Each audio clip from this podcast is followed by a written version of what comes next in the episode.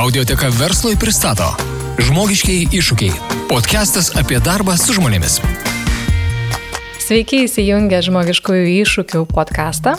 Aš esu Valerija Buzėninė ir šiandien pasiūlysiu Jums paklausyti, pagalvoti, o dar geriau ir nuveikti kažką visiems labai aktualia ir artima tema - asmeninis prekinis ženklas. Iš tiesų, kodėl tai yra aktualu visiems, nesvarbu, kas jūs būtumėt, ar studentas, ar samdomas darbuotojas, kuris kas porą trejų metų atsiduria darbo paieškos procese, ar lektorius, laisvai samdomas konsultantas, ar verslo savininkas. Iš tiesų jums turėtų rūpėti, ką kiti galvoja apie jūs, kokį įvaizdį jūs turite, kas yra jūsų prekinis ženklas. Mes visi esame ko gero skaitę straipsnių, patarimų, galvoja apie tai, tačiau kaip padaryti tai efektyviausiai ir kaip iš to išpešti daugiausiai naudos arba netgi monitorizuoti savo prekės ženklą, šiandien pasikviečiau pasikalbėti Dominiką Venciūtę. Labas, Dominika. Sveiki. Dominika yra įmonės persona kognita įkūrėja ir vadovė, socialinių mokslų daktarė, ISM vadybos universiteto dėstytoja ir bendrai, ko gero, asmeninio prekinio ženklo žinovė ir konsultantė, kuri dirba tiek su organizacijom, tiek skaito pranešimus įvairiose konferencijose. Tai ko gero yra geriausias žmogus, kuris mums padės atsakyti į visiems mums rūpimus klausimus. Tai pirmiausia, Dominika, norėčiau paklausti, kaip tu pati atsidūrei šitoj temai? O, labai geras klausimas. Aš iš tikrųjų pati kažkada tai galvojau apie tai, kaip dabar taip nutiko, kad tie asmeniniai prekių ženklai ir asmeninių prekių ženklų vystimas tapo na, mano profesinio gyvenimo dalimi. Tai buvo keletas faktorių. Iš tikrųjų, kiek save atsimenu, na, dešimt metų atgal manęs visuomet draugai prašydavo, kad aš patarčiau. Mm, kalbant apie socialinių tinklų komunikaciją, ką parašyti, kokią nuotrauką dėti, kaip iškomunikuoti tą ir aną. Ir aš kažkaip jaučiau, kad, na, jie turbūt galvoja, kad aš turiu tą pajūtimą ir man tas neblogai sekdavosi. Bet čia toks būdavo, na, tiesiog tarp draugų, tarp artimiausių žmonių pastebėjimas. O rimčiau aš apie tai pradėjau galvoti prieš kokius trejus metus. Aš tuo metu baiginėjau, rašiau uh, savo daktaro disertaciją, kuri buvo apie socialinių, rinkodaros socialiniuose tinkluose įtaką naujų įmonių veiklos rezultatams. Ir aš tos asmenių prekių ženklų dalies nebuvau tenai įsitraukusi. Ir jau pačiame gale aš pradėjau galvoti, na, čia tikrai labai būtų įdomus kampas ir ateityje tą labai norėčiau padaryti. Prasme, ištirti ir tokią dalį. Aišku, aš to padaryti nespėjau savo disertacijos kontekste, bet kitais metais pradedu po doktorantūros studijas, tai tikiuosi, kad pavyks daug naujų išvalgų gauti. Bet būtent tuomet aš pagalvojau, kad na, ta tema yra pakankamai nišinė, ir pakankamai aktuali ir tuo metu Lietuvoje buvo gal tik tai keletas žmonių, kurie galbūt jau apie tai, na, kažkas užuomasgas to komunikavo, kad jį konsultavo galbūt tą temą, bet aš supratau, kad yra tikrai niša, aš supratau tikrai, kad yra aktuali tema ir supratau, kad man jinai yra labai artima. Mhm. Ir e, tuo metu ėjau pareigas e, marketingo vadovės tame pačiame ESM, šalia savo viso dėstymo ir akademinės veiklos. Ir aš supratau, kad aš visko nepimsiu, Tai nusprendžiau iš tų administracinių pas, e, pareigų pasitraukti, pasilikti tik akademinę pareigas ir įkūriau persona kognitą. Ir pradžia, sakyčiau, gal buvo, nebuvo labai lengva, turiu omeny, kad pačiai buvo sunku išsigryninti, kas yra mano ta tikslinė auditorija, nes noras buvo padėti visiems, kas kreipiasi, kas parašo, tokio daug buvo pro bono, bet ilgainiui labai tas iš tikrųjų išsigrynino ir, ir dabar turbūt pagrindinė ta tikslinė grupė yra organizacijos, nes tiesiog jaučiu, kad daugiau žmonių tokiu būdu galiu padėti, bet aišku, yra ir individualūs klientai ir panašiai. Tai. Mhm. Tai mes jau pradėjom kalbėti apie asmeninį prekinį ženklą, asmeninį įvaizdį, gal gali tiesiog na, atsakyti, kaip tu suvoki, kas tai yra ir kas tai per reiškinys. Mhm. Tai kalbėdama apie asmeninį prekės ženklą, aš visų pirma na, užduodu tokį toną ir papasakoju, kas yra apskritai prekės ženklas, ne? nes mes labai dažnai minim tą žodį brandas, prekės ženklas. Ir prekės ženklas, jeigu mes pasižiūrėtume į Amerikos marketingo asociacijos oficialų apibrėžimą, tai prekės ženklas iš esmės yra kažkoks tai dizainas, simbolis, logotipas, kažkokie vizualiniai elementai, kurie vienus produktus ar paslaugas išskiria iš kitų. Ne, bet man šitas apibrėžimas iš savęs nelabai patinka, nes jis apriepia tik tai tą vizualinę dalį. Mhm.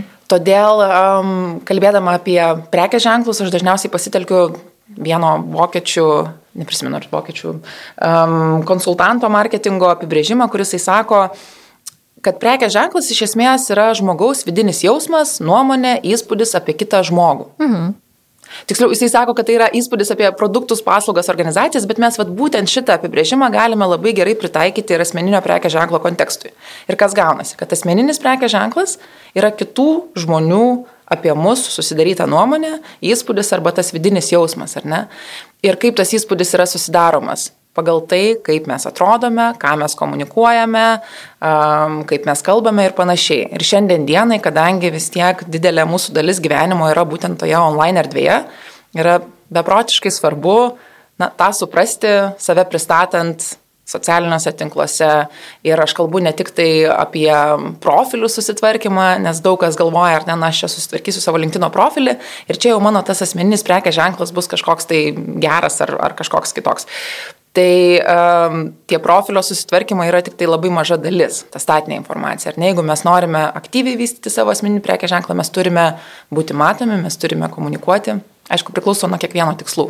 Ar tai yra būtina, ar visiems tai yra būtina? Um, aš manau, kad priklauso nuo žmogaus tikslų. Aš manau, kad yra tokių žmonių, kurie savo um, na, asmeninį įvaizdį, asmeninį prekės ženklą yra išvystę offline kanalais mhm. ir tą įvaizdį yra suformavę per daug metų, kai tų galbūt socialinių tinklų dar nebuvo. Tai apie tokius žmonės ta informacija eina iš lūpų į lūpas. Tai iš vienos pusės pažiūrėjus, tokiems žmonėms atrodo gal tas ir yra nebūtina, tačiau na, yra toks labai geras pasakymas, kad jeigu tu nekursi savo asmeninio prekės ženklo, tai už tai už tave padarys kiti. Tai tiesiog, kai tas žmogus nekomunikuoja, nesvarbu, kad apie jį ir taip visi kiti žino, Tai tiesiog yra galbūt labai lengva mm, suformuoti tą nuomonę, na jeigu kažkas atsitiktų, tai nebūtų tokio backupo, kad ta informacija yra, yra, yra, yra jo paties. Mhm. Tai aš sakyčiau, aš, aš norėčiau tikėti, kad yra būtina, tiesiog mes visi pasirenkame, kaip tai daryti. Um, tai vad būtent, ar ne, kai kurie to nedarome socialiniuose tinkluose, bet aktyviai galbūt na, investuojame į asmeninį kontaktą mesgame asmeninius ryšius, einame į networkingo renginius, o socialinius tinklus esame palikę tame antrame plane. Tačiau, kaip ir minėjau, ar ne, šiandien realybė yra kiek kitokia ir mes nežinome, kas bus rytoj, kada mes vėl turėsime būti namuose.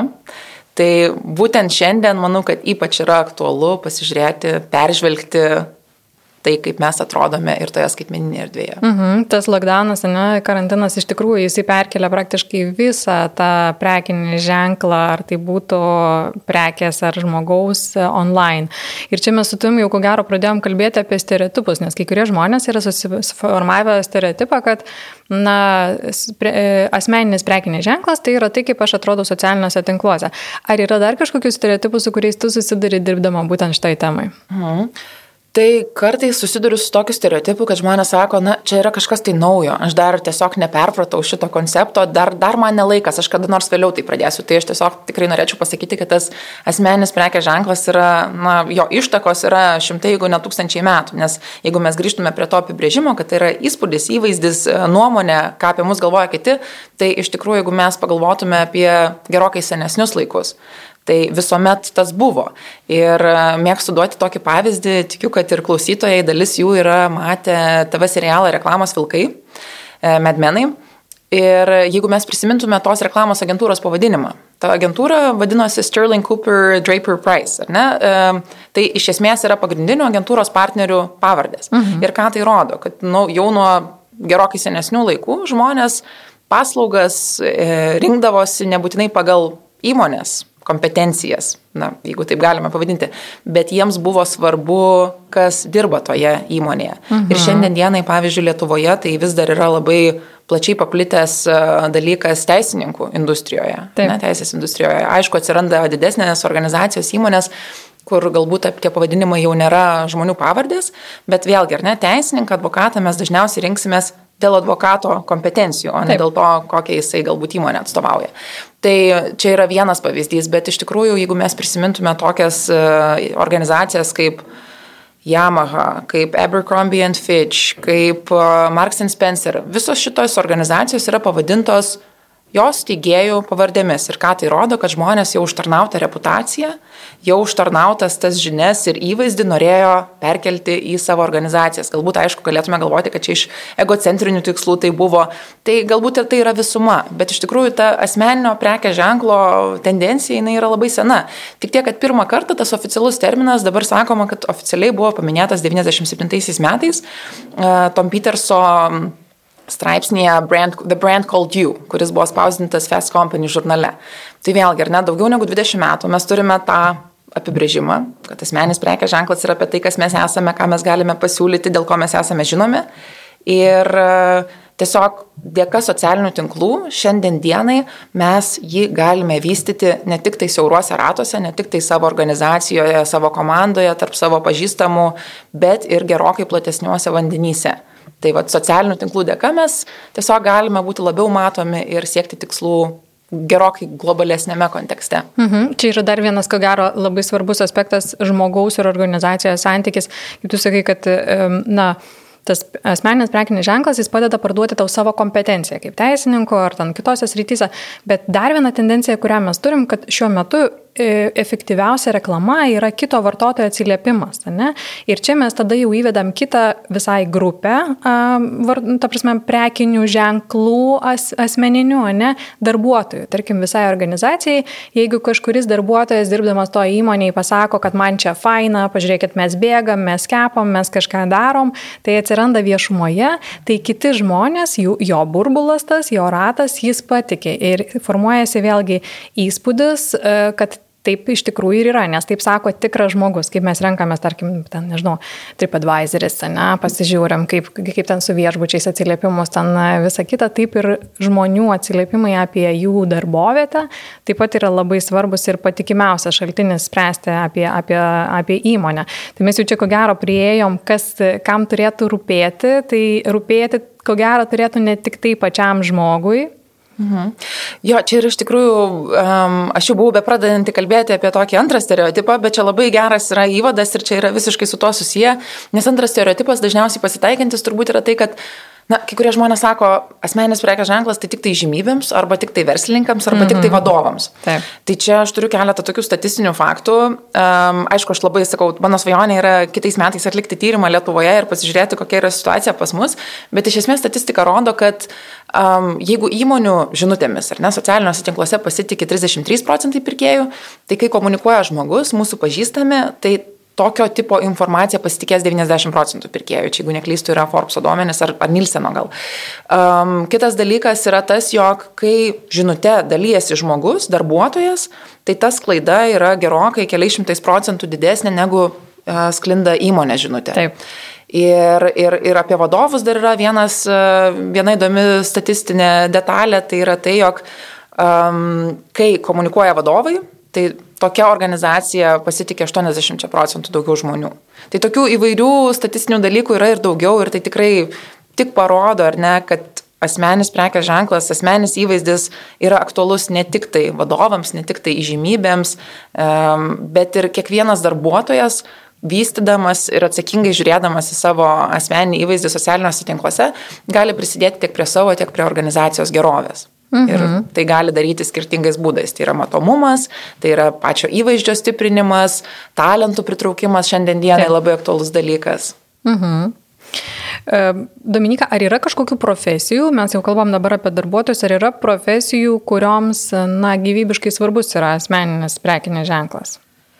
Aš manau, kad, aš manau, kad iš esmės daugumai profesijų yra, yra svarbus. Galbūt svarbiausias yra uh, toms profesijoms, kur žmogus yra vienas pats, ar ne? Tai yra konsultantai, mhm. coachai. Šiandien dienai labai Lietuvoje matau, kad jų yra daug, jų vis daugėja, tai manau, kad asmenio įvaizdžio kūrimas yra tikrai būdas išsiskirti. Bet manau, kad taip lygiai taip pat ir svarbu ir, ir tiem patiem teisininkams ir advokatams. Tik tiek, kad galbūt šitoje kategorijoje daugiau yra to lūpo, lūp, iš lūpų į lūpas dalykų. Bet manau, kad iš tikrųjų aš galbūt ne tiek pagal profesiją skirstyčiau, bet tiesiog galbūt žmogus, kuris jau turi tą užtarnautą reputaciją iš seniau, ir jį visi žino dėl to, kad jis buvo garsus arba matomas ir žinomas dar prieš socialinių tinklų erą, tai galbūt tiem žmonėms nėra taip aktualu ir jie patys tai galvoja, kad tai nėra taip aktualu, bet čia vėlgi galėtume grįžti prie to, kad ištikus kriziai E, na, apie jos tos informa tą informaciją būtų labai lengva suformuoti, jeigu nebūtų kažkokios tai iš anksto komunikacijos buvę anksčiau. Mhm. Tai, bet aš sakyčiau, kad turbūt daug, tiem žmonėms svarbiausia, kurie stovi patys už save. Mhm. Kurie... Esu girdėjus, kad na, yra irgi statistika pateikiama, aš dabar jos necituosiu tiksliai, kad žmogus, kuris eina, ieškosi darbo ir derasi dėl atlyginimo, ar tai būtų paaukštinimas, ar tai būtų, tarkim, nauja darbovietė, žmogus turintis stipresnį asmeninį prekę ženklą, jis sugeba susidėrėti didesnę sumą. Tai kad reiškia, kad tai pinigais netgi apčiuopiama. Ar gali pakomentuoti, kaip tai vyksta, kaip na, pati mechanika, mes juk, na, nevertinam kažkaip mhm. to prekinio ženklo. Aš manau, kad e, tai yra labai susiję ir su tuo, kad žmogus, kuris investuoja savo asmeninį įvaizdį, kuris komunikuoja socialiniuose tinkluose, Manau, kad tokie žmonės gerokai labiau savimi pasitikė, mhm. nes jie tiesiog pamato tas reakcijas, jie mato, kad jų komunikuojama informacija yra aktuali ir matoma, galbūt jie gauna tam tikrų komentarų, turiu omeny ne tik tai komentarus socialiniuose tinkluose, bet galbūt kažkokios asmenės žinutės yra, jie kviečiami į renginius, jie gauna įvertinimą ir manau, kad vienas dalykas yra tas, jog jie tikrai labiau, labiau savimi pasitikė, o kitas dalykas yra tas, jog um, jei žmogus na, aktyviai kūrė, aktyviai vysto savo asmeninį prekės ženklą socialiniuose tinkluose, greičiausiai jis jau yra išsigrinęs tą savo asmeninį pozicionavimą.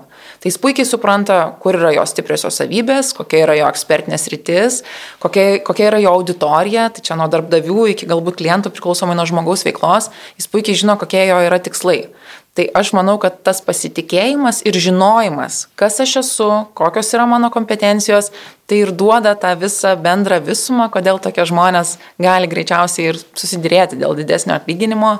Ir iš tikrųjų yra, yra tos statistikos, aš irgi esu skaičius, dabar irgi procentų nepasakysiu, bet tikrai taip. O kaip tu galvoji, va dabar gal kas nors klauso ir galvoja, nu kokia nesąmonė, kaip nesažininga, aš dirbu, sunkiai dirbu, mano rezultatai yra geresni, o kažkas ten investuoja labiau į burbulus ir etiketės ir jis pasiema didesnius pinigus. Tai, um, na, Manau, kad galbūt tai atrodo iš pirmo žvilgsnio ir neteisinga, bet iš kitos pusės e, dažna organizacija dabar nori tokių žmonių, kurie žinoma turėtų aukštas kompetencijas e, tame, ką daro, tačiau jiems svarbu pritraukti talentus, jiems svarbu, kad ir organizacija būtų matoma, ir kad organizacijos įvaizdis būtų stiprus, tai tokie žmonės, kurie aktyviai komunikuoja, dažnai būna įvertinami geriau. Bet čia, aišku, tikrai nėra taisyklė. Taip. Manau, kad tikrai priklauso nuo organizacijos. Kai kurios organizacijos tikrai teko girdėti, kad kai kurios organizacijos atvirkščiai nenori investuoti į savo darbuotojų asmeninius įvaizdžius dėl to, kad tiesiog elementariai bijo, kad tokie žmonės bus paimti. Numedžioti. Numedžioti. Taip. Taip. Mhm. Tai kitaip tariant, žmogui, kuris puikiai dirba, bet iki šiol na, neturėjo nieko bendro su, su, su ta vizualika ir su labiau prekiniu ženklo asmeniniu, tai būtų ko gero patarimas nelaikyti tik savo tų rezultatų, o dalintis kažkaip viešai su aplinka, ar tai būtų socialiniai tinklai, ar tai būtų jūsų komanda, jūsų organizacija. Ir taip galima dar pakelti savo tą na, įvaizdį ir savo galbūt, na ir netgi savijautą ir savo pasitikėjimą, pasitikėjimą savimi į kitą lygį. Ne? Yeah. Taip, na, aš esu tokios nuomonės, kad jeigu tai žmogui yra visiškai nepriimtina, tikrai yra tokių žmonių, kurie sako, na, aš tikrai nenoriu būti tose socialiniuose tinkluose, gal aš galiu turėti ten LinkedIn profilį, bet aš tikrai nieko nekomunikuosiu, nes tai nesu aš. Tai aš tikrai nes, nesu iš tų, kur sakyčiau, būtina, reikia. Mhm. Jeigu žmogui tai yra svetima, tai e, tebūnie. Jeigu žmogus yra laimingas be to, bet jeigu jisai supranta, kad tai jam atneštų kažkokių tai rezultatų, tai aš visuomet, na, paskatinu pabandyti. Juk visada gali pratrinti, aišku, turime tų um, dauguma, ar net dabar sakytų, kad vis tiek ta informacija lieka tose socialiniuose tinkluose, na, bet juk jūs nekomunikuosit kažkokios tai kompromituojančios informacijos, galbūt pasidalinsit kažkokiamis žiniomis, pamatysit, kad tai ne jums ir visada galėsite ištrinti ir to nebedaryti. Tačiau galbūt um, tai iš karto atneš kažkokių tai rezultatų. Aišku, dažniausiai tas procesas užtrunka, bet tikrai yra, yra, yra tekę matyti pavyzdžių, kai žmonės tik pradeda komunikuoti ir po kelių savaičių tos aktyvesnės komunikacijos gauna kvietimą kalbėti konferencijoje, gauna va, tą pripažinimą, gauna įvertinimą. Ir tada jie užsikabina, jie pamato, kad tai neša, mhm. neša naudą. Tai tas yra labai smagu. Bet, e, sakau, aš manau, kad žmonė, žmonėms reikėtų tą pabandyti. Mhm. Tai dabar prieėm jau tą momentą, kad e, pabandyti, ne? Jeigu mes turime žmogų, kuris iki šiol nebandė arba bandė, na, tarkim, periodiškai ten, ne, nesistemiškai, ką tu patartum, kokie būtų pagrindiniai žingsniai arba etapai, nuo ko reikėtų pradėti? Mhm. Tai kai pradėjau domėtis, apskritai labiau domėtis uh, šitą temą, tai supratau, kadangi pati ateinu iš akademinės ryties, supratau, kad man reikia kažkokio tai frameworko modelio, ar ne, pagal kurį aš galėčiau na, žmogui padėlioti planą ar tiesiog papasakoti, vat, kaip ir kalbam, ar ne, nuo ko pradėti. Tai visiems gerai yra labai žinomas rinkodaros kompleksas 7P kas yra produktas, kaina, vieta, žmonės ir panašiai.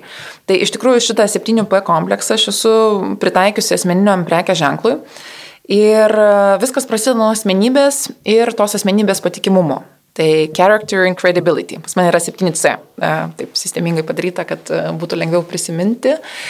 Tai žmogus visų pirma turėtų pasidaryti savianalizę ir, ir sudaryti savo asmenį pozicionavimą kas jis yra, kokia yra jo ekspertinės rytis, kas yra jo tikslinė auditorija, nes jeigu ilgainiui jisai komunikuos, jisai reprezentuos save, tai jisai turi gerai suprasti, dėl ko jisai tą daro, kam jisai tai daro. Kokie yra jo išskirtinumai, um, kokie yra jo asmeniniai tikslai, ko, ko, kokią vertę jis kūrė. Ir kai kalbu apie vertę, tai nebūtinai žmogus čia turi būti turėti kažkokias tai paslaugas, kuris jis nori parduoti, ar produktus, kuriuos, kuriuos jis nori parduoti, bet jisai gali kurti vertę organizacijai. Galbūt to žmogaus dėka organizacija mm, didina savo pelną, galbūt kažką tai sutaupo, galbūt jo dėka na, vyksta kažkokie kiti procesai, ar ne? Mhm. Ir kai žmogus labai aiškiai suvokia, kokią vertę jisai kūrė, tai tampa gerokai lengviau vėliau ir tą turinį parinkti. Bet pradžioje, aišku, tampa lengviau parinkti tuos aprašymus apie save, save pristatyti, e, nuo, nuo, nuo aprašymų iki ten vizualinių elementų, kuriuos galbūt e, kai kurie naudoja. Tai, tai sakyčiau, pradėti nuo to, tada suprasti tą patikimumą, tai credibility aš turiu omeny, kokios ankstesnės patirtis, išsilavinimas, galbūt kažkokie tai mokymai, galbūt kažkokie tai atsiliepimai daro žmogų patikimą auditorijos akise. Tai kai žmogus supranta, na, aišku, kad mano ekspertinės rytis, pavyzdžiui, yra žmogiškiai ištikliai, nes aš turiu uh, 20 metų patirtį, aš galbūt išsilavinimą turiu toje srityje, tai jam pačiam tampa drąsiau. Aišku, kad tai yra mano ekspertinės rytis, kaip jinai gali nebūti mano ekspertinės rytis, jeigu aš esu, na, patikimas, manimi žmonės tiki, kai aš dirbu Taip. savo darbą. Tai šitas dalykas turėtų būti svarbus, tai čia tokie labiau vidiniai dalykai, ką žmogus turėtų pasakyti savo. Bet taip pat vėliau svarbu išsigryninti kanalus kuriuose žmogus, žmogui yra svarbu save pateikti, save pozicionuoti. Tai tikrai, nors tų, nes tų socialinių tinklų šiandienai mes turime labai daug ir matom, kad jų vis atsiranda. Tai buvo prieš kokius penkerius metus ta banga Snapchato, dabar buvo neseniai banga TikToko, kurio ateitis irgi neaiški, bet um, greičiausiai žmogus, profesionalas, jam Greičiausiai svarbiausias kanalas bus LinkedInas šiandien mhm. dienai, bet čia priklausomai nuo srities. Tai aš tiesiog iš karto galvoju apie žmogiškųjų išteklių atstovus arba ten padalinių vadovus. Tai Manau kad, manau, kad LinkedInas, bet um, šiandien dienai taip pat labai populiarus yra Instagramas. Ir mes matom, kad labai skirtingų profesijų ir skirtingų ekspertinių sričių atstovai ten renka didelės auditorijas, dalinasi edukaciniu turiniu, dalinasi patarimais ir tiesiog to žmonės traukia pas save. Tai kanalai, ar ne? Išsigrinimas kanalų kur turėtų būti, na, kur turėtų žmonės save pozicionuoti. Tai reikėtų galvoti iš tos pusės, kur gyvena ta mano tikslinė auditorija. Mhm. Jeigu aš noriu pritraukti talentus į savo organizaciją, tai vėlgi, ar ne greičiausiai tai yra LinkedInas, nebent aš noriu pritraukti uh, millennialsus. Uh, jo, tada gali būti Facebookas, gal, taip, tada gali būti Instagramas. Taip, Instagramas gal šiai dienai labiau, nes Facebookas, aš, aš į Facebooką žiūriu taip truputėlį, kad tai yra vis tiek, mm, nebent jau esi labai viešas asmuo, uh, tai tada taip, turi tą didelę auditoriją, bet dažniausiai tai vis tiek yra siauresni ratai. Tai vis tiek populiariau, aš manau, šiai dienai žmonės kitus ar ne dėl jų kūriamo turinio sekti Instagrame negu sekti Facebook'e. Bet čia vėlgi, ar ne, nėra taisyklė, priklauso. Kitas dalykas, e, pasirinkus kanalus, išsigryninti, kokį turinį mhm. nori žmogus kurti ar gali kurti. Tai pagrindinė taisyklė tai yra ta, kad tas kūrinys turi, uh, turinys turi kurti vertę auditorijai. Tai, Ir ką tai reiškia? Um, aš mėgstu skirstyti tą turin, vertės kūrimą turiniu į keturis tipus. Tai turinys turėtų informuoti auditoriją, na, pateikti tai, kažkokius tai naujus faktus, kažkokius tai naujus skaičius. Tiesiog auditorija turėtų gauti nauj, naujų, naujos informacijos. Taip.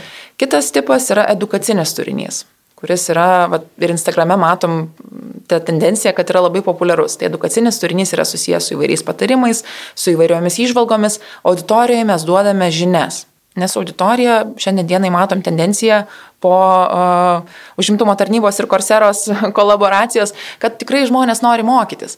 Tai ir tas turinys, kai jis yra edukacinis, dažniausiai jisai pritraukia didelę auditoriją žmonių. Uh, Tada yra įkvepiantis turinys, toks inspirational, mhm. um, kur žmonės mes norime paskatinti kažką tai daryti. Tai, na, aš matau uh, pasaulinio lygio vadovai netgi tokiu atrodo banaliu turiniu dalinasi ten frazėm kažkam tai įkvepiančiam, bet labai dažnai tas veikia. Tai aišku, nėra taip, kad aš tai rekomenduočiau, čia priklauso nuo žmogaus, ar jisai save, save tokiu laiko įkvepiančiu galbūt vadovu ir, ir panašiai. Tai tikrai labai priklauso nuo to, kaip žmogus apsisprendžia save pozicionuoti.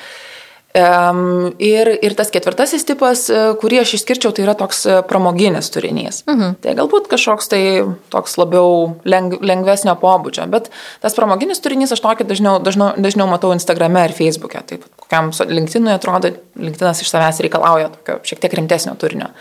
Tai um, skirstyčiau į, į tokius, ar ne? Bet taip pat yra, atsiranda toks turinio tipas kaip uh, na, gal prastas vertimas, angliškai aš sakyčiau emotional, bet emocinis jisai gal truputėlį neskamba, bet iš esmės kartais mūsų turinys jisai galbūt nekurs labai didelės vertės, bet jisai atlieps žmogaus um, na, einamasias aktualės. Pavyzdžiui, yra kažkokios tai progos. Ir pavyzdžiui, žmonės labai dažnai, ypač Lietuvoje, matau tą tendenciją, yra kažkokios valstybinės šventės. Vasario 16, kovo 11. Ir žmogus, kai iš širdies ar ne pasidalina kažkuo tai susijusio su, su tai namąją aktualiją, mes irgi matom, kad auditorija labai gerai tą emociją taip pat pajaučia ir tokiu turiniu taip pat galime, ar nes parodyti, kas mes esame, ar patriotai, ar, ar, ar tiesiog, ar ne, kaip mes mylime savo šalį ir panašiai. Tai čia toksai vienas labai elementarus tai, tiesiog sukuriam kažkokį bendrumą taip, su savo auditorija, taip, kitokį bendrumą. Labai geras, labai, ger, labai gerai pasakyta. Bendrumo mhm. jausmas su auditorija. Tai va, tai turinys, tada yra kontaktai, galvojimas tiesiog, kokie žmonės man gali padėti pastiprinti savo asmeninį prekės ženklą, galbūt verta pagalvoti apie kokias nors kolaboracijas, um, bendrus, bendrus interviu ar, ar panašiai, o elementariausias būdas savo kontaktus įtraukti į savo turinį. Tai yra tiesiog, ar ne, jeigu tai yra, pavyzdžiui, vadovas arba padalinio vadovas ir na, komanda pasiekia gerų rezultatų, ar ne, tai kodėl tuo nepasidžiaugti, jeigu aišku leidžia konfidencialumo dalykai, kodėl tuo nepasidžiaugti ir visus e, savo komandos narius na, parodyti, sužymėti tame pačiame LinkedIn paustė. Atrodo labai elementaru, bet aš manau, kad tokiu turiniu išlošia tiek vadovas ir komandai smagu ir mato potencialus darbuotojai, ar ne, kurie mato, kokia faina organizacija, kaip vadovas fainai parodo, pasidžiaugia savo komandos nariais. Mhm. Tai tiesiog toks win-win-win gaunasi uh, dalykas. Bet toks elementarus gal pavyzdys čia būtų. Tada prieš paskutinis dalykas yra nuseklumas, consistency. Tai jeigu jau mes nusprendėme, kad savo asmeninį prekės ženklą, asmeninį įvaizdį stiprinsime, tai turėtume tai daryti nuosekliai. Tai um, nėra taip, kad, na, čia gal vieną kartą į tris mėnesius čia kažką papaustinsiu, paskelbsiu kokį nors įrašą, pakomunikuosiu ir čia jau kažkokiu tai gausiu labai gerų rezultatų. Tai turėtų atsirasti nuseklumas ir čia yra diskusinis klausimas, kaip dažnai reikėtų viešinti savo pasiekimus ar savo išvalgas, priklausomai nuo to, kokius turinio tipus mes pasirenkame kurti. Bet, na, sakyčiau, kad ten pradžioje tikrai vienas kartas į dvi savaitės ir to užteks, ar ne, bet kaip pagalvos jau mes per ten keturis mėnesius turėsime kiek, aštuonis ar ne, kažkokias tai aštuonis išėjimus. Tai jau pakankamai yra daug. Mhm. Gal iš pradžio atrodo, kad čia, nu, kas tas vienas kartas dvi savaitės. Jo. O, o negalvoja žmonės, nu, kad dvi, kartą dvi savaitės, tai tada užknisiu aš visus tuos tai, tai savo paustais, ne? Kartai dvi savaitės, ne, bet kai žmogu, kai jo, jeigu, jo, aš manau, kad kartais dvi, savaitė, tai, dvi savaitės tai yra toksai hygieninis, tikrai, tikrai neturėtų, neturėtų užknisti. Um, bet, bet, čia, bet čia priklauso turbūt nuo kiekvieno žmogaus nuomonės mhm. ir pasirinkimo. Tai sakau, nėra kažkokių labai griežtų taisyklių, nes žmogus turi pajausti, kas tinka jam. Taip. Ir tai turi, būt, tai turi atspindėti jį. Mhm. Ne, tai tikrai mes negalime labai bendrai apie tai kalbėti, nes žmogus visų pirma na, turi suprasti, kaip jisai nori atrodyti, kaip dažnai jis nori pasirodyti ar pateikti kažkokią tai aktualią informaciją.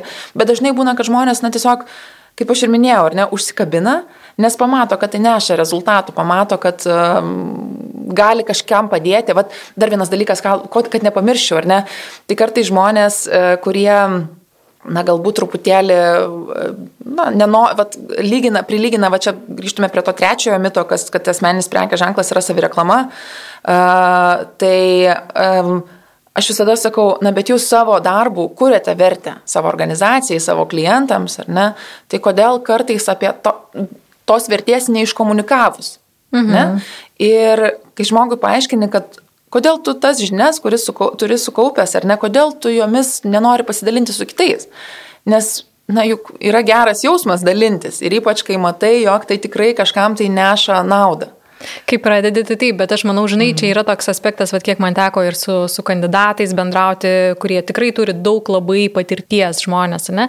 Tai yra tam tikras mąstymo būdas, arba mes įeinam į tokią būseną, kad kai mes žinom kažką, mums atrodo, kad žino visi kiti. Mhm, ir tada liktai nėra natūralu sakyti, na, tau, kad apie, dabar aš tau pradėčiau pasakoti apie prekė, asmeninį prekinį ženklą, aš galvoju, kad tu viską žinai, ne?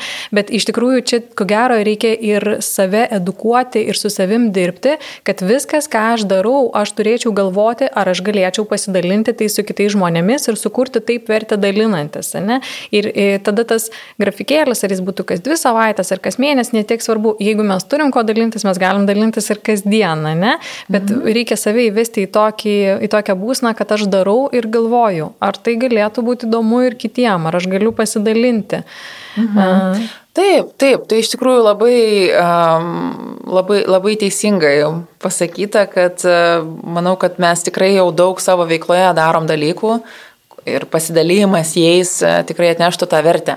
Tai irgi labai teisinga buvo pastaba, kad žmonės dažnai savo ekspertiniais rytyje jau galvoja, kad visi turėtų apie tai žinoti, bet čia vėlgi ir nepriklauso nuo to, um, kokią mes auditoriją pasirenkam. Mhm. Tai yra mhm. vat, žmonės ar net, tarkim, vadovai, galbūt jie nori būti matomi tarp kitų vadovų, ar ne, galbūt jie nori komunikuoti, dalinti su kitais vadovais. Tai galbūt ta komunikacijos linija gali būti vienokia. Taip. Bet jeigu jie, pavyzdžiui, jų tikslas yra į savo organizaciją pritraukti darbuotojus arba nu, stiprinti tą darbdavio įvaizdį, ar ne, tai ta auditorija truputėlį yra kitokia, ar ne, tai galbūt na, tas turinys tiesiog gali išsiskirti. Mm -hmm. Ir aš dar paskutinį paminėsiu, ar ne, tai um, sakiau, kad yra asmenybė, patikimumas, kanalai, turinys, kontaktai, nuoseklumas ir paskutinis uh, dalykas, ar ne, tas principas, kuriuo aš vadovaujuosi, tai žmogus, ar ne, išsikėlęs pradžioje savo tam tikrus tikslus, turėtų stebėti tą vadinamą įpatvirtinimą, confirmation, mm -hmm. ar ne? Tai labai tai, svarbu. Mm -hmm. Nes pavyzdžiui, vienam žmogui tas tikslas gali būti rasti naują poziciją ką mes galim pamatuoti per pakvietimus į darbo pokalbius, vėliau jau gautą poziciją. Kitam žmogui svarbu būti matomam socialiniuose tinkluose, tiesiog, ar ne, va tas tarpinis rodiklis ir tie patys laikai, komentarai jam gali būti labai svarbus ir jis pagal tai išsimatuos, ar tas jo turinys veikia, ar jo asmenis prekės ženklas veikia. Kitam žmogui svarbu, kad jisai uh, pritrauktų tą auditoriją į savo, tarkim, internetinį puslapį. Mhm. Tai vėlgi, ar ne Google Analytics pagalba mes galime žiūrėti, koks rautas ateina, tarkim, iš LinkedIn į, į, į mūsų puslapį. Na, čia jeigu, jeigu LinkedInas būtų pasirinkamas, tarkim. Tai tiesiog, ar ne, apgalvojimas tų e, KPI-sų, Key Performance Indicators, ar ne, veiklos rodiklių, tai irgi yra svarbus dalykas, nes tiesiog žmogus turi tokį uh, nežinau, benchmarkas lietuviškai, riba ar ne? Tai palyginimą. Palyginti, jo, mhm. jisai gali palyginti ar ne. Mhm. Tai aš sakyčiau, kad tikrai e, šiame kontekste nereikėtų lyginti su kitais, reikėtų lygintis patiems mhm. su savimi. Mhm. Tai netgi tokiam elementariam kontekste, kai būna žmogus, na, tarkim, pradžiui sako, aš noriu tiesiog dabar savo LinkedIn profilį susitvarkyti. Tai tokiame kontekste aš e, prieš prieš susitvarkant jo tą profilį, aš sakau, pasidarykit screenshotą dabar savo statistikos, ar ne, kiek pas jūs užeina žmonių, kiek tenais e, jūs matomas esat paieškose, nes tie skaičiai yra. Taip. Ir tiesiog turėkit tą screenshotą arba kažkur užsirašykit tuos skaičius ir pasižiūrėkit, kaip tie skaičiai keisis po mėnesio, kai jūs turėsit tą gražesnį profilį, tą statinę informaciją, jūs galbūt pradėsit komunikuoti, nes tiesiog žmogui tai yra labai geras būdas įsivertinti, ar kažkas mhm. keičiasi. Dažniausiai keičiasi. O, o kada pradedi patarti jau lyginti su kitais, nes visgi yra tas, na, tas ratas ten. Uh, socialiniuose tinkluose ir netgi tas LinkedInas, jis turi Social Selling Index berots, -huh, ne, -huh. kur tu gali pasimatuoti, kaip tavo profilis ir tavo veikla socialiniam tinkle, kas yra labai glaudžiai susijęs su asmeniniu prekiniu ženklu, ne, kaip jinai matuojasi su tavo industrija, vienas yra rodiklis, ir su tavo netvarku, su tavo tinklu. -huh. Aš iš tikrųjų pati to, vat, būtent social selling index, nepasakyčiau, kad labai naudoju, bet aš manau, kad jis galėtų būti aktualus pavyzdžiui, um, pardavimų skyriaus komandai, mhm. ne, kur žmonės vat, galėtų būti iškelti kažkokie tai tikslai ir pagal tai žiūrėti, na, lyginti galbūt. Na, aš tiesiog gal nesu fane lyginimo okay. in general. Aš manau, kad kiekvienas suranda savo tą auditoriją ir vienam žmogui yra mieliau dirbti su vienu žmogum ar ten dirbti, nueiti į vieną organizaciją. Okay. Dėl tiesiog aš kažkaip tikiu, kad tikiu tuo, kad mes kad žmonės pasiskirsto ir jie atranda su kuo jam mieliau, su kuo jam geriau ir mhm. panašiai. Dominika, ar turi kažkokių pavyzdžių Lietuvoje, e, tam pačiam linktinė, kurie būtų puikus pavyzdžiai asmeninio prekinio ženklo?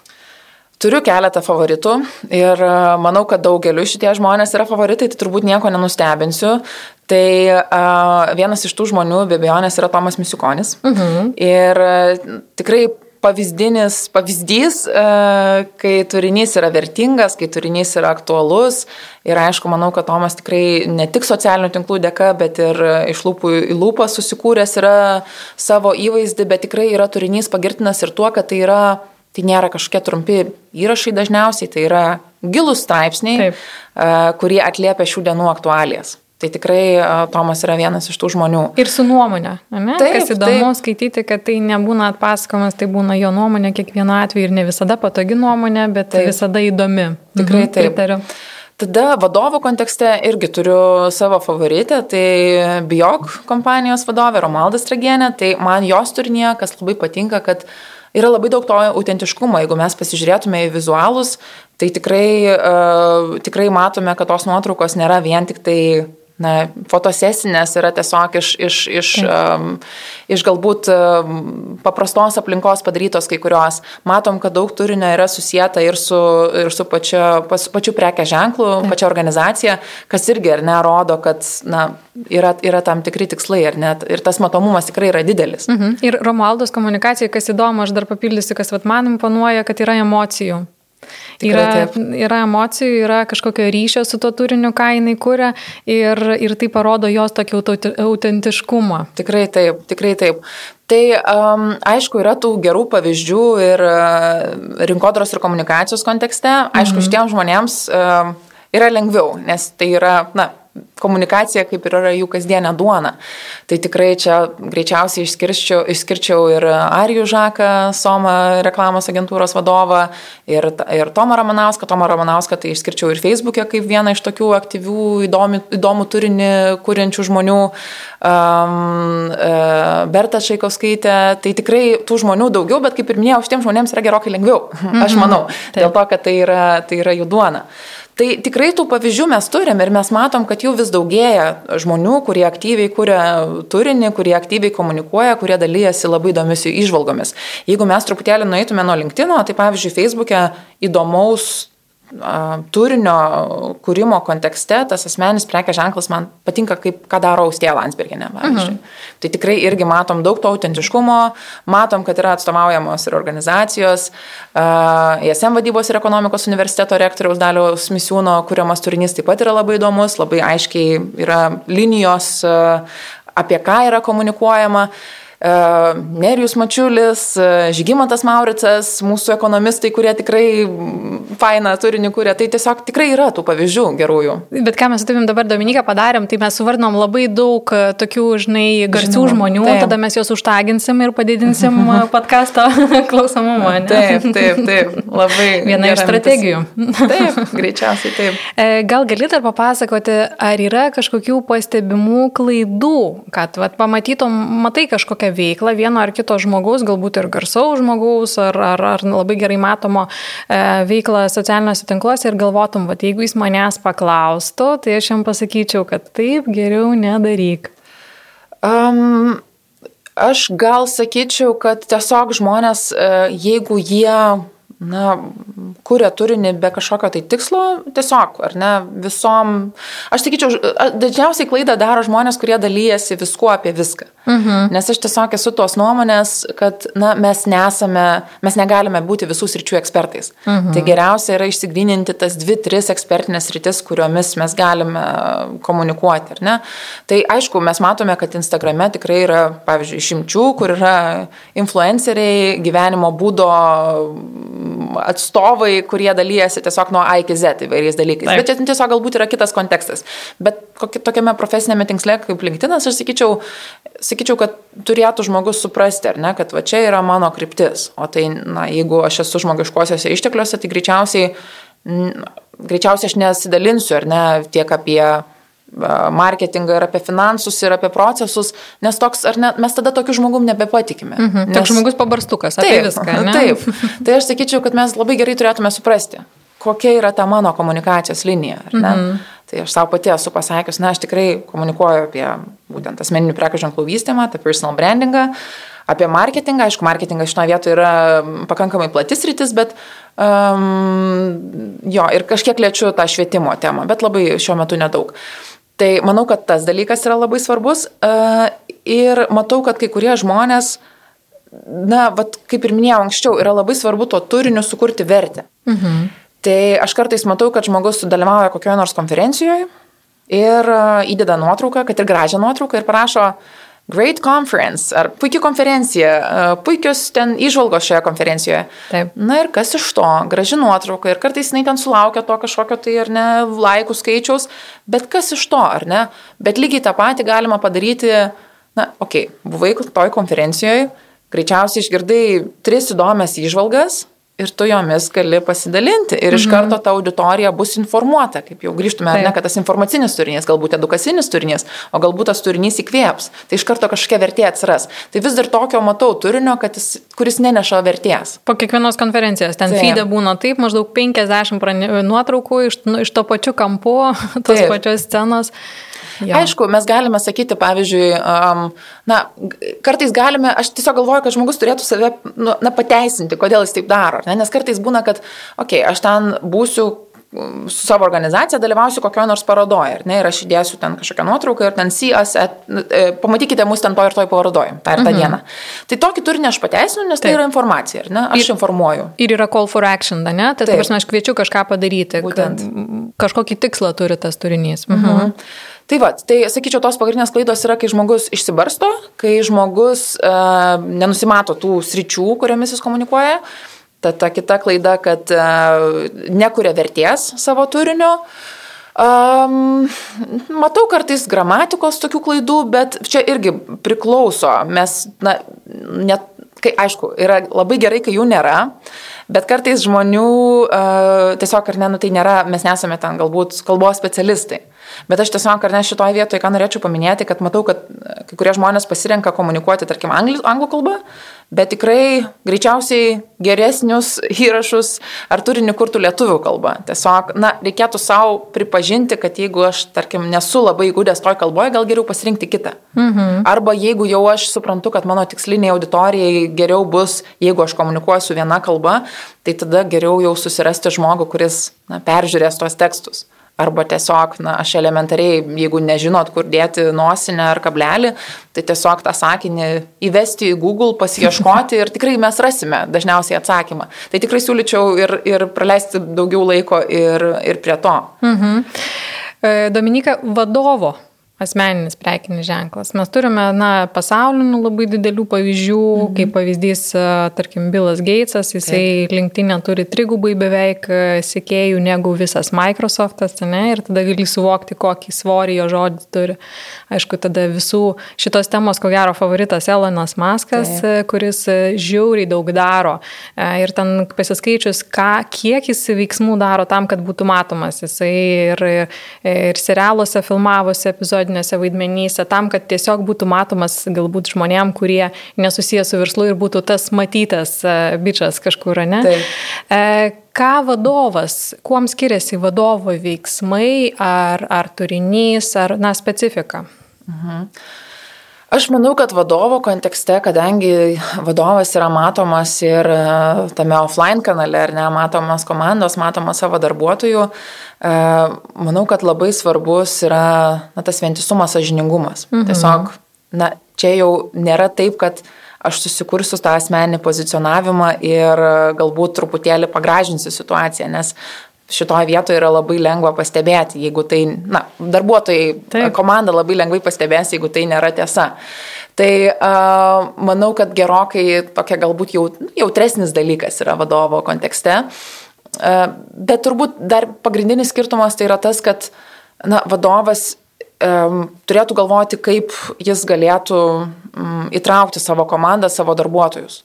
Nes aš manau, kad jeigu tai bus toks one man, one woman show, jeigu tai nepalies platesnės auditorijos, platesnės ar ne komandos, platesnio darbuotojų skaičiaus, tai toks truputėlį gali atrodyti, na, organizacija tai esu aš. Mhm. Tai aš visada rekomenduoju. Taip. Mhm. Tai aš, visada, aš kažkaip, aš, aš esu linkusi rekomenduoti šituo, šituo atveju, kad, na, paskatinti ir, ir kitus, ar ne, paskatinti savo pavyzdžių visų pirma ir tada rodyti, ar ne, tą dėkingumą, rodyti, kad rezultatai tai nėra vien tik tai apie mane, tai rezultatai yra ir apie komandą, galbūt kažkokius tai atskirus žmonės išskirti čia greičiausiai nuo konteksto. Tai, sakyčiau, tas dalykas. Ir čia, jeigu mes grįžtume prie tų klaidų, tai vėlgi, ar ne, tai dar labiau pareigoja. Tiek apie klaidas kalbant kažkokias, Taip. tiek tiek apie tą vertės kūrimą. Tai šitie dalykai, sakyčiau, jo, dar labiau yra įpareigojantis vadovo kontekste. Mhm. Čia gal pavyzdys vienas apie tą patį Eloną Maską skaičiau.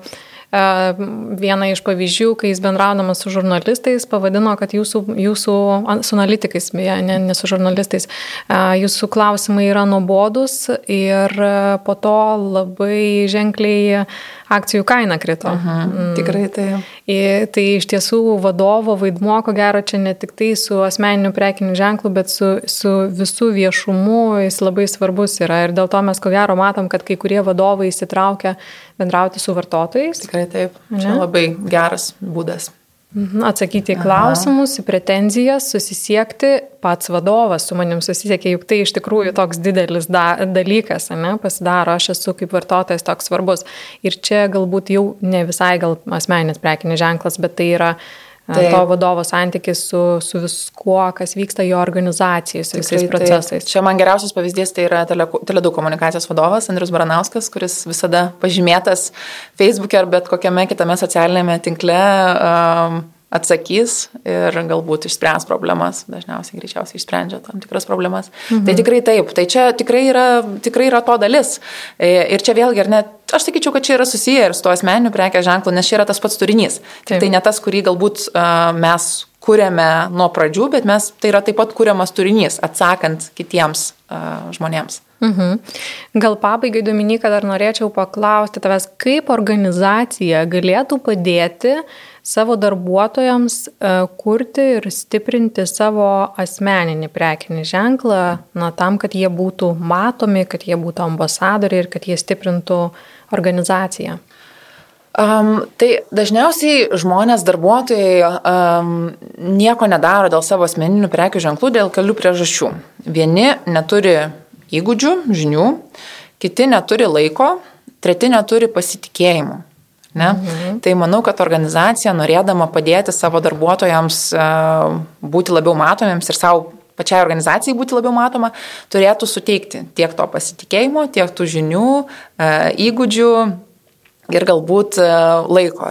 Tai dabar vis populiarėja ne tik seminarai, ne tik tai mokymai, tai mokymai, skaičiau, pastarosius du metus jau ir tai pakankamai ir net didelė dalis organizacijų savo darbuotojams organizuoja vienokius ar kitokius mokymus, kaip linktinę komunikuoti arba reprezentuoti save, bet sakyčiau, kad dažnai po tokių trumpalaikių mokymų tas rezultatas, na, jis nebūna labai geras tuo, nes e, tiesiog, ar ne, mes atsėdėm tas tą pusdienį, e, sužinom informaciją, na, gal koks keli žmonės pradeda kaž, imtis kažkokių tai veiksmų.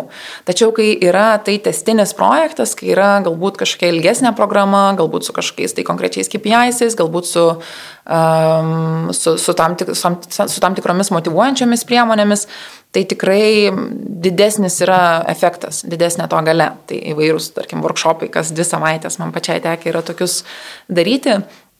Tai vienas dalykas, bet kitas dalykas, tai tiesiog manau, kad čia gal iš, iš vadovų turėtų ateiti, kad e, na, mes tikime jumis, pasakymas ar ne, kad mes, mes, no, mes tikime, kad jūsų dėka mes galime būti labiau matomi, kad mūsų įvaizdis gali stiprėti, kad e, mes galime jūsų dėka pritraukti naujų talentų. Tai jeigu, mhm. aš sakyčiau, kad jeigu yra vadovų palaikymas, ar ne, tai tie darbuotojai tikrai drąsiau jausis, nes dabar irgi, ar ne, grįžtant dar prie tokių um, tam tikrų stereotipų, tai dalis darbuotojų galvoja, kad, na, jie gal nelabai turėtų kažką mhm. tai daryti viešai, nes galbūt čia nepatiks mano vadovams, nes, na, gal aš čia pradėsiu komunikuoti, kai jie to tuo metu nedaro. Tai sakyčiau, kad vadovai savo pavyzdžių turėtų, galėtų įkvėpti ir Taip. savo komandą, ir, ir, ir visus organizacijos darbuotojus. Mhm. Man, žinai, tavęs beklausant dar atėjo tokia mintis, kad iš tikrųjų, ką mes galėtumėm vieni dėl kitų padaryti, nebūtinai organizacija dėl mūsų, o mes vieni dėl kitų.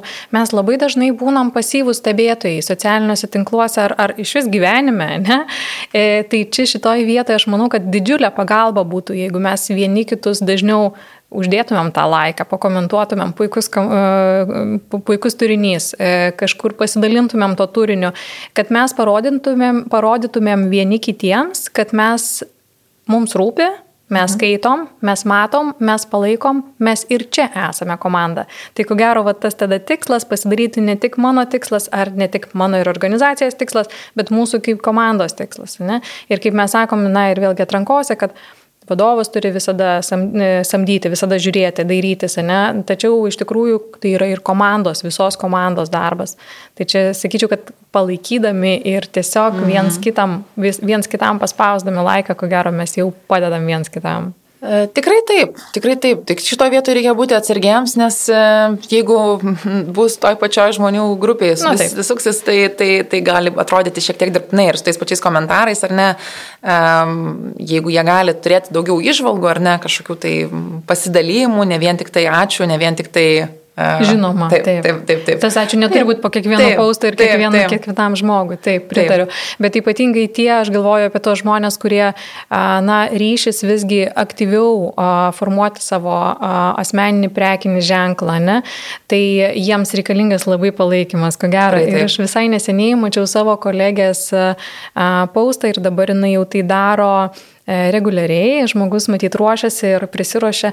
Pirmas jos paustas ir buvo apie tai, kad žiūrėkit, yra nauji etapai gyvenime ir jie yra visada baisus ir bauginantis ir štai aš turiu naują etapą, aš nusprendžiau komunikuoti socialiniuose tinkluose turinį, kuri, kuriuo aš gyvenu.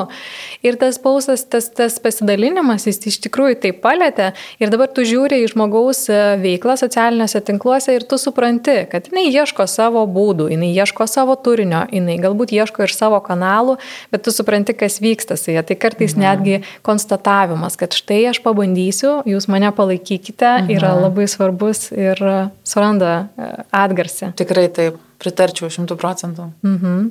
Tai Dominika, ačiū tau labai už pokalbį.